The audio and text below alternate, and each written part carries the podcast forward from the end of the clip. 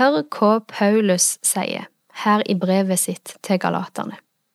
Dere er alle Guds barn ved troen, i Kristus Jesus. Jeg får være Guds barn. Tenk det!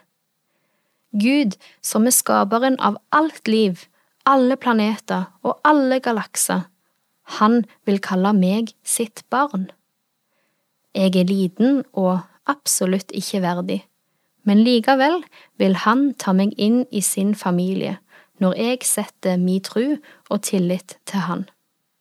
Som kristen kan jeg si jeg er Guds barn. Ikke jeg har vært Guds barn, eller jeg blir Guds barn en gang der framme, men jeg er Guds barn. Her og nå er jeg Guds barn, og det er en sannhet. Denne uka har jeg sett litt på grammatikk i Bibelen. Hæ, grammatikk, er det så viktig, spør du kanskje. Men ja, jeg tror vi kan få mye ut av å se på hvordan Bibelen tar i bruk for eksempel spesielle verbformer. Denne uka har jeg delt noen tanker rundt noen av imperativene vi finner i Bibelen. Verb som ta imot, tro, elsk hverandre og gå. Dette er befalinger og bud som Bibelen gir oss kristne. Mange bud, de utfordrer oss. De utfordrer fordi det er så altfor mange plasser i livet vi ikke rekker opp til Guds standard. Gud sier gjør det, men vi får det ikke til. Da kan vi heldigvis falle tilbake på at Bibelen ikke bare forteller hva vi skal gjøre, men den forteller hvem vi er. Dere er Guds utvalgte, helliget og elsket av ham, står det i Kolosserbrevet, kapittel 3, vers 12. Akkurat som jeg kan si jeg er Guds barn, kan jeg si at jeg er Guds utvalgte. Jeg er helliga av ham, og jeg er elska av han. Det er sannheter om hvem jeg er som kristen. Fakta ikke noe som er betinget av mine prestasjoner. Når jeg velger å ta imot Guds frelsesgave og tro på Han, kan ingenting rokke ved sannhetene om hvem Gud sier jeg er. Når et vers eller en setning forteller en faktiske sannhet, kalles det på grammatikkspråket for indikativ. Dere er Guds barn, for eksempel, eller bibelverset så er det da ingen fordømmelse for dem som er i Kristus Jesus. Disse versene forteller noe som er sant. På flere måter blir jo da budene motsatt. Imperativene sier gå der eller gjør det, altså noe vi ikke gjør, som Bibelen sier vi skal gjøre. Og det finnes mange teologiske betraktninger rundt hvor mye vi skal veie gjerningene opp mot hvem vi er som kristne. Det vil ikke jeg gå inn på, men det jeg kan si, som denne grammatikkanalysen av Bibelen kanskje har lært meg, er at bud og sannheter, de går hånd i hånd.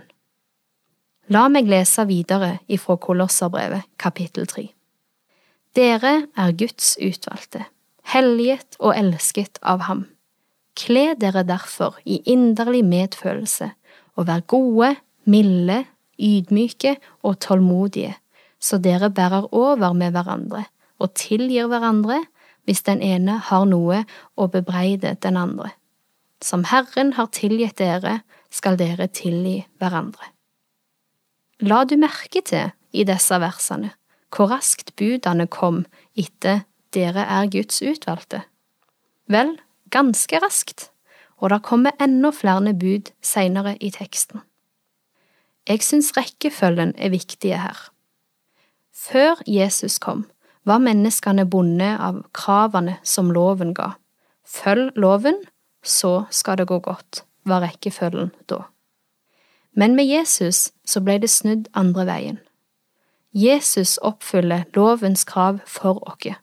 Frelsen er hans gave, og etter vi har fått den, så skal vi prøve å fylle budene som Bibelen gir.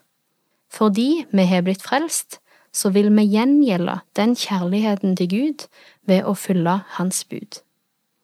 Derfor sier Paulus først dere er Guds utvalgte, som en sannhet, indikativ, før han sier kle dere derfor, vær gode, milde, ydmyke, som bud eller imperativ. Så hvis jeg skal oppsummere litt, vil jeg gjøre det i tre punkt. Nummer én, vi må forstå at frelsen er Guds verk alene. Den kan ikke vi legge noe til eller trekke fra, men vi kan velge å ta den imot. Nummer to, når vi tar den imot, så blir vi Guds barn. Vi blir rettferdiggjort og en hel rekke andre ting i Kristus. Dette er sannheter om hvem vi er. Punkt tre, som en følge av frelsen og kjærligheten Gud har vist dere, er vi kalt til å prøve å gjengjelde den ved å fylle Hans bud. Og jeg er glad for at Bibelen inneholder mange bud. Hvis Bibelen ikke hadde hatt bud, hadde ikke jeg visst hvordan jeg skal leve kristenlivet mitt. Hadde Bibelen kun sagt hvem jeg er, og ikke utfordre meg til å vokse i gode gjerninger, tror jeg kristenlivet hadde blitt vanskelig for meg. For det faller ikke meg naturlig å gi til Guds rike, og be for andre, eller å ha kjærlighet til andre enn meg og mine. Jeg trenger budene for å kunne vokse og bli mer og mer like Jesus. Jeg vil aldri klare det helt, og det går fint, men budene, imperativene, de gir meg konkrete hjelp på veien. Kjære gode Gud, takk for livet, og takk for frelsen du har gitt oss som tror på deg. Den fortjener vi ikke, men vi får ta den imot likevel. Takk for at du i Bibelen gir oss bud vi skal følge, som en hjelp til å bli mer og mer like deg. Og takk for at du elsker oss uansett hvor godt vi får det til. Det er en sannhet.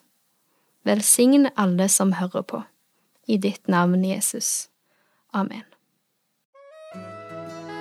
Du har nå hørt en andakt i serien Over en åpen bibel. Og dagens andaktsholder, det var Marie Lindland, og dette var et gjenhør fra 2020. Denne serien den produseres av Noria Medmisjon, og hver fredag formiddag tilbyr vi forbønn.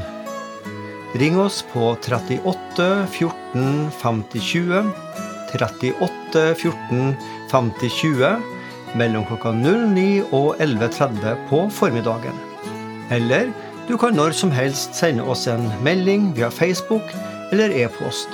Bruk da adressen post at norea.no.